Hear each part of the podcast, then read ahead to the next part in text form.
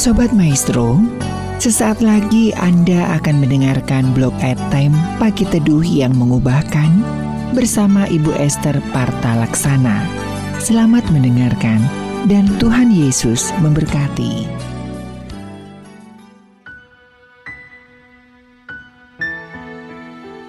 Shalom Sobat Maestro, selamat pagi semuanya. Apa kabar Sobat Maestro? Tetap semangat dan selalu semangat dalam Tuhan Yesus ya, amin. Puji Tuhan karena kasih dan kebaikan Tuhan, saya Esther pagi hari ini dapat kembali berjumpa dengan Anda semua, pendengar setia Radio Maestro di mana pun Anda berada. Satu kehormatan buat saya dapat kembali melayani dalam acara Pagi Teduh yang mengubahkan. Oke Sobat Maestro, sebelum kita masuk dalam renungan firman Tuhan yang sebentar saya sampaikan, mari kita awali terlebih dahulu dengan menyatukan hati di dalam doa. Mari kita berdoa. Tuhan Yesus yang baik, terima kasih Tuhan untuk kesempatan pagi hari ini, di mana kembali kami bisa mendengarkan pesan-pesanmu lewat hambamu yang melayani pagi ini. Kami percaya Tuhan ada sesuatu yang baru, dan yang mengubah hidup kami melalui apa yang kami dengar pagi ini. Kami tahu Engkau Tuhan yang begitu sangat teramat mengasihi kami semua.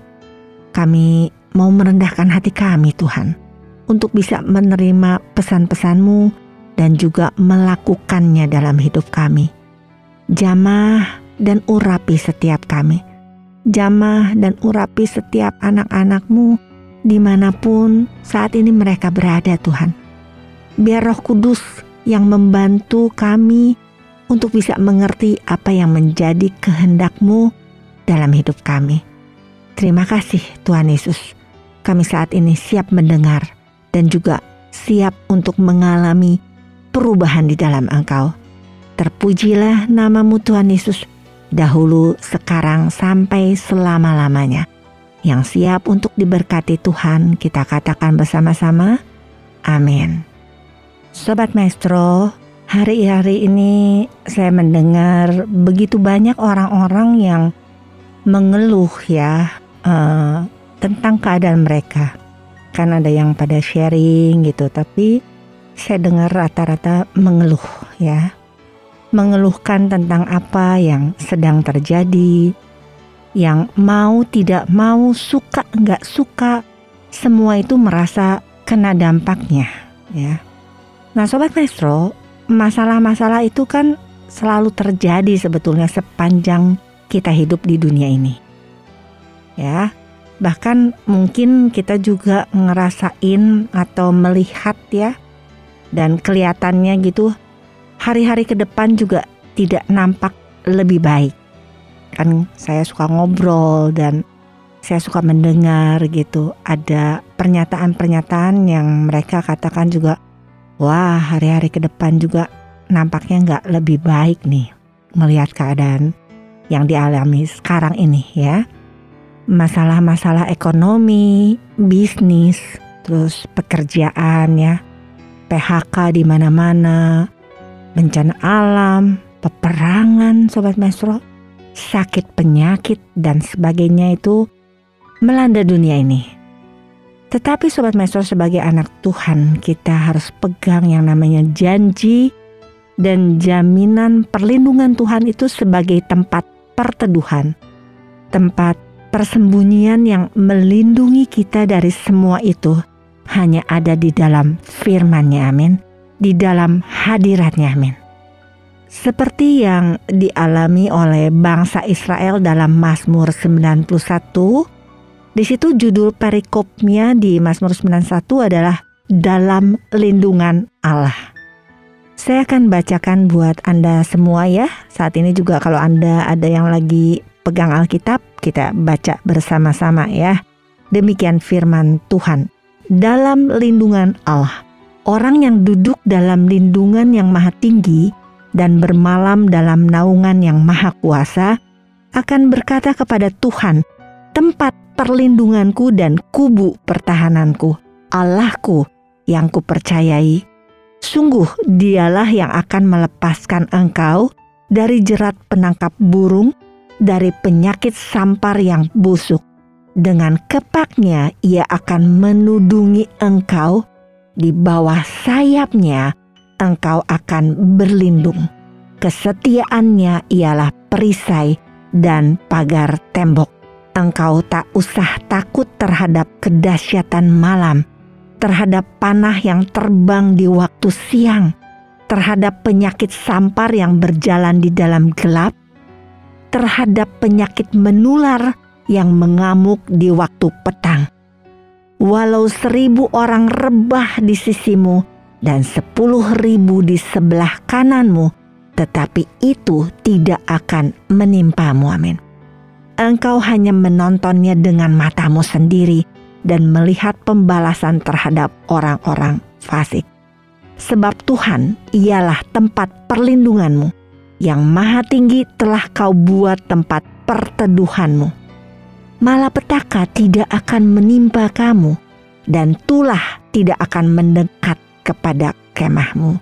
Sebab malaikat-malaikatnya akan diperintahkannya kepadamu untuk menjaga engkau di segala jalanmu. Amin mereka akan menatang engkau di atas tangannya, supaya kakimu jangan terantuk kepada batu. Singa dan ular tedung akan kau langkahi. Engkau akan menginjak anak singa dan ular naga. Sungguh hatinya melekat kepadaku, maka aku akan meluputkannya. Aku akan membentenginya sebab ia mengenal namaku Bila ia berseru kepadaku, aku akan menjawab. Aku akan menyertai dia dalam kesesakan. Aku akan meluputkannya dan memuliakannya. Dengan panjang umur akan kukenyangkan dia dan akan kuperlihatkan kepadanya keselamatan daripadaku. Amin. Nah Sobat Mesro, saat itu mereka itu sedang dikelilingi oleh musuh-musuh dan penyakit sampar yang menular ya. Tetapi mereka berkata bahwa Tuhan tempat perlindungan dan kubu pertahanan. Mazmur 91 ayat 2 terus di Mazmur 91 ayat 9 mereka berkata bahwa Tuhan yang menjadi tempat perlindungan dan perteduhan amin. Nah Sobat Maestro saya jadi teringat ya satu lagu yang nanti akan diputar sebelum saya menutup dengan doa ya. Lagu ini diambil dari kitab Mazmur 32 ayat 7 yang menyatakan kalau Tuhan itu tempat persembunyian kita. Engkaulah tempat persembunyianku. You are my hiding place ya. Saya akan bacakan aja ya buat saudara ya dari Mazmur 32 ayat 7 demikian firman Tuhan, Engkaulah persembunyian bagiku, terhadap kesesakan Engkau menjaga aku, Engkau mengelilingi aku sehingga aku luput dan bersorak selah. Sobat Metro, ayat ini menyatakan bahwa Tuhan melindungi kita dari kesukaran. Tuhan melingkupi kita dengan lagu-lagu pembebasan Nah ini kalau kita baca Alkitabnya versi bahasa Inggris Sobat Mesro. Versi New King James ya. Nah itu jadi Tuhan itu melingkupi kita dengan lagu-lagu pembebasan gitu. Ada jaminan perlindungan Tuhan buat setiap kita yang berlindung, bersembunyi di dalam dia. Amin. Sobat Maestro, begitu banyak masalah yang kita alami ya datang silih berganti selama kita hidup di dunia ini. Firman Tuhan gak berkata bahwa kita tidak akan alami masalah ya Sobat Mesro. Tapi firman Tuhan berkata tentang janji-janji Tuhan ketika kita mengalami masalah. Ketika kita diizinkan berproses, diproses melalui masalah yang terjadi menimpa hidup kita. Sobat Maestro, begitu banyak juga orang-orang yang suka sharing pada saya, ngobrol, cerita dan mereka berkata, "Bu, saya sudah nggak kuat." Ya. Ada juga yang berkata, saya lelah, Bu. Badai hidup ini terlalu berat untuk saya alami. Atau juga ada yang berkata, saya udah capek, Bu, dengan masalah suami saya, masalah keluarga.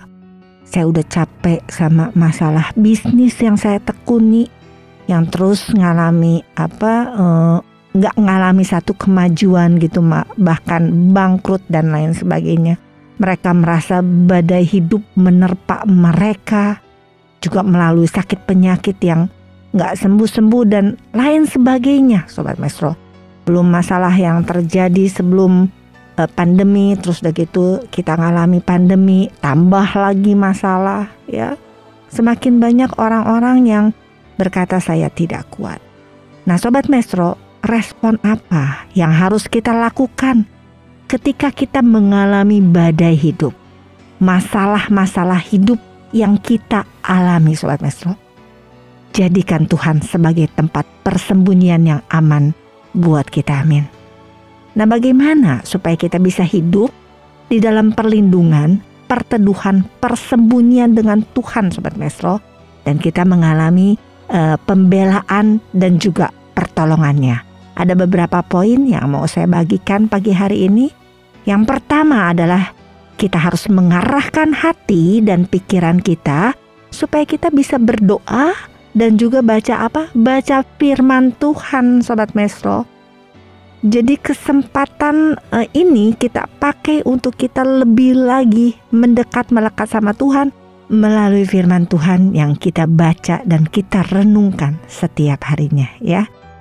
Sobat Maestro, rasanya tidak salah ya kalau saya bilang Daud sang pemazmur itu mempunyai sikap hidup dan sikap hati yang seperti itu Sobat Maestro. Hal ini dapat terlihat dalam Mazmur 27 ayat 2 ketika ia berbicara tentang menghadapi musuh-musuhnya yang kejam. Ya, yuk saya akan bacakan buat Anda semua. Mazmur 27 ayat 2 demikian firman Tuhan ketika penjahat-penjahat menyerang aku untuk memakan dagingku, yakni semua lawanku dan musuhku, mereka sendirilah yang tergelincir dan jatuh. Ya. Lalu ia berkata juga, wajahmu ku cari ya Tuhan di ayat 8. Saya akan bacakan juga buat Anda semua demikian firman Tuhan. Hatiku mengikuti firmanmu, carilah wajahku. Maka wajahmu ku cari Iya Tuhan. Ya. Ada beberapa orang yang menyatakan bahwa ketika Daud menuliskan Mazmur itu, ia tuh sedang mengingat masa-masa saat ia melarikan diri dari Saul di 1 Samuel 21 ayat 10 Anda catat Anda baca nanti 1 Samuel 21 ayat 10 atau dari anaknya Absalom di 2 Samuel 15 ayat 3 sampai 14 ya Nah Sobat Maestro, doa dan ketergantungan kepada Allah adalah hal yang paling dipikirkan oleh Daud. Dan di dalam Allah, ia tuh mendapatkan tempat persembunyian yang aman. Mazmur 27 ayat 4 sampai 5 saya akan bacakan buat Anda semua demikian firman Tuhan. Satu hal telah kuminta kepada Tuhan, itulah yang kuingini. Diam di rumah Tuhan seumur hidupku menyaksikan kemurahan Tuhan dan menikmati baitnya. Lalu ayat limanya, sebab ia melindungi aku dalam pondoknya pada waktu bahaya. Ia menyembunyikan aku dalam persembunyian di kemahnya. Ia mengangkat aku ke atas gunung batu. Amin. Kita juga memerlukan tempat persembunyian, perlindungan yang aman ya Sobat Mesro dengan kita baca firman Tuhan, dengan kita berdoa, kita itu sedang membangun kedekatan, keintiman dengan Tuhan seperti yang dimiliki oleh Daud. Nah, ketika Tuhan jadi tempat persembunyian kita, maka hati kita akan selalu cepat berpaling kepada Tuhan. Untuk apa? Untuk berdoa, amin. Dalam doa dan baca firman Tuhan, Tuhan tuh dapat meneduhkan hati kita dan pikiran kita sehingga kita merasa yakin, kita merasa aman di dalam perlindungannya. Amin. Lalu kita masuk ke yang kedua ya. Yang pertama tadi mengarahkan hati dan pikiran kita untuk kita bisa berdoa dan baca firman Tuhan. Lalu yang kedua adalah melekat kuat sama Tuhan. Amin. Sobat Maestro, rahasia untuk menerima perlindungan Tuhan yang kedua adalah hati yang melekat kepadanya dalam apa? Dalam rasa syukur. Nah, melekat pada Tuhan ini Sobat Maestro artinya menjadikan Tuhan yang utama dari apa pun juga. Nah sebagai anak-anaknya Sobat Maestro kita ini pasti ngalamin yang namanya berkat Bapak. Kita hidup di dalam kebaikan Tuhan itu hidup di dalam berkat Bapak, berkat Tuhan ya. Nah berkat Bapak ini untuk anak-anaknya yang hatinya melekat kepada Tuhan, yang hatinya melekat kepadanya gitu Sobat Maestro. Kita terima bukan hanya berkat-berkat yang ada di dalam dunia ini, tapi juga janji pemeliharaan dan perlindungannya bahkan di dalam kekekalan. Amin. Orang yang melekat pada Tuhan itu menjadikan Tuhan itu prioritas utama dalam hidupnya karena dia mengetahui kekuatan dan kesanggupannya itu datang dari Tuhan. Amin. Orang yang melekat hatinya pada Tuhan pasti akan mengalami bahwa uh, uh, Tuhan menyertainya dalam kesulitan, mendengarkan doa-doanya, dan juga memberikan hidup yang penuh dengan kehadiran dan pemeliharaannya yang ilahi. Amin. Musa berkata sobat maestro, kalau Tuhan tidak menyertai aku tidak akan melangkah. Ada pernyataan Musa seperti itu. Dan itu artinya apa? Hati Musa yang melekat sama Tuhan sobat maestro. Kita juga harus belajar punya sikap hati seperti ini amin. Lalu dalam Mazmur 91 ayat 7, kita balik ke Mazmur 91, berkata demikian firman Tuhan, Walau seribu orang rebah di sisimu, dan sepuluh ribu di sebelah kananmu, tetapi itu tidak akan menimpamu. Amin. Jadi Sobat Maestro, hiduplah melekat sama Tuhan. Hiduplah melekat kuat pada Tuhan. Amin. Ya. Itu yang kedua, lalu kita masuk ke yang ketiga yang terakhir. Yang ketiga adalah jadikan Tuhan tempat persembunyian perlindungan kita yang aman. Sobat Maestro, saat kita merasa badai hidup melanda hidup kita, jangan melawan badai itu Sobat Maestro, namanya itu konyol, ya. Apalagi dengan apa? Dengan kekuatan kita sendiri. Tapi yang harus dilakukan adalah kita berlindung di tempat persembunyian yang aman. Kita nggak bisa berbuat apa-apa selain berlindung sama Tuhan, amin. Kita harus lari dan berlindung pada Tuhan, amin. Begitu banyak orang yang lelah, capek, putus asa, khawatir, merasa kalah. Karena apa? Karena mencoba melawan badai hidup yang sedang mengamuk, ya, dengan kekuatan sendiri.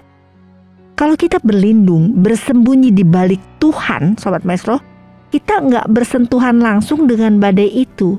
Karena badai itu langsung apa? Bersentuhan dengan Tuhan. Maka badai itu akan taat ketika Tuhan meredakannya. Amin. Ya. Nah, sobat maestro, itu tiga hal yang saya bagikan pagi hari ini. Bagaimana supaya kita bisa hidup dalam perlindungan Tuhan, ya. Ingat sobat maestro, sehebat apa pun manusia, semua terbatas. Ada hal-hal yang tidak bisa ditangani. Hanya oleh kuasa Tuhan, maka semua bisa diatasi, bisa ditangani masalah kita mengalami yang namanya terobosan, jalan keluar yang Tuhan sediakan.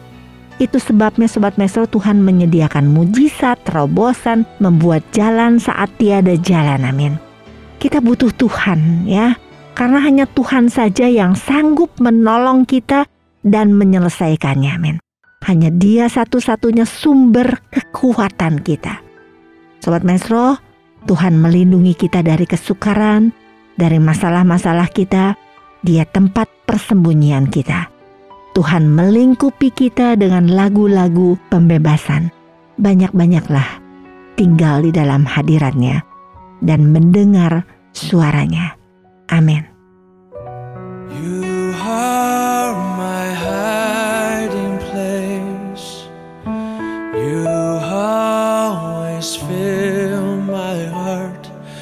songs of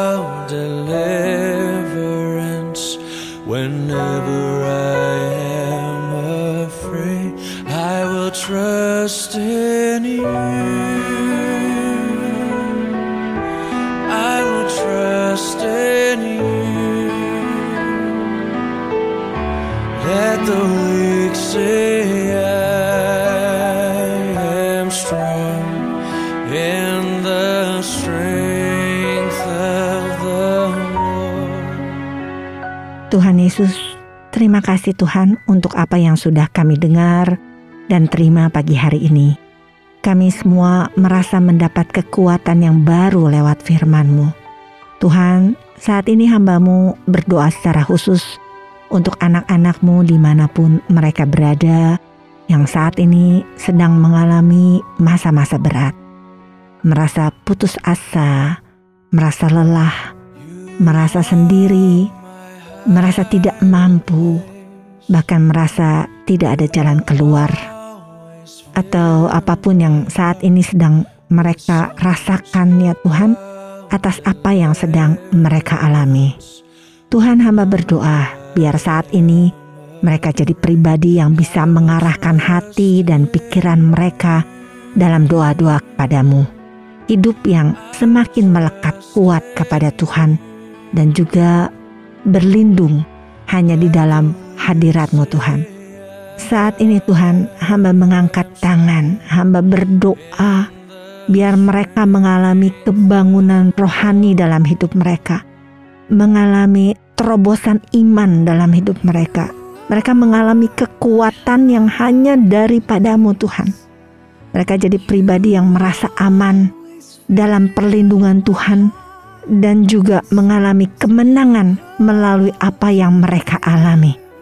Terima kasih Tuhan Yesus, terima kasih Tuhan. Betapa Engkau Tuhan yang begitu luar biasa mengasihi kami. Engkau Tuhan yang sangat-sangat baik. Kami selalu hidup di dalam kasih dan kebaikan-Mu Tuhan. Terima kasih, terima kasih Tuhan Yesus. Hambamu sudah selesai berbicara pagi hari ini, tapi hamba percaya kasih Tuhan selalu beserta dengan anak-anakmu di mana pun mereka berada.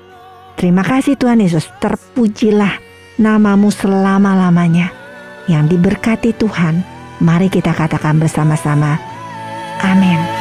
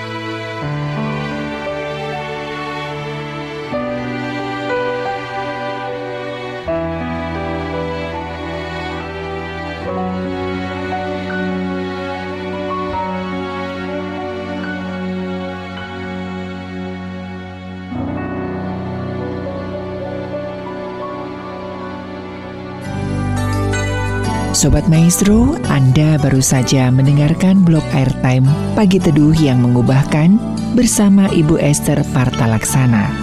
Terima kasih untuk kebersamaan Anda. Tuhan Yesus memberkati.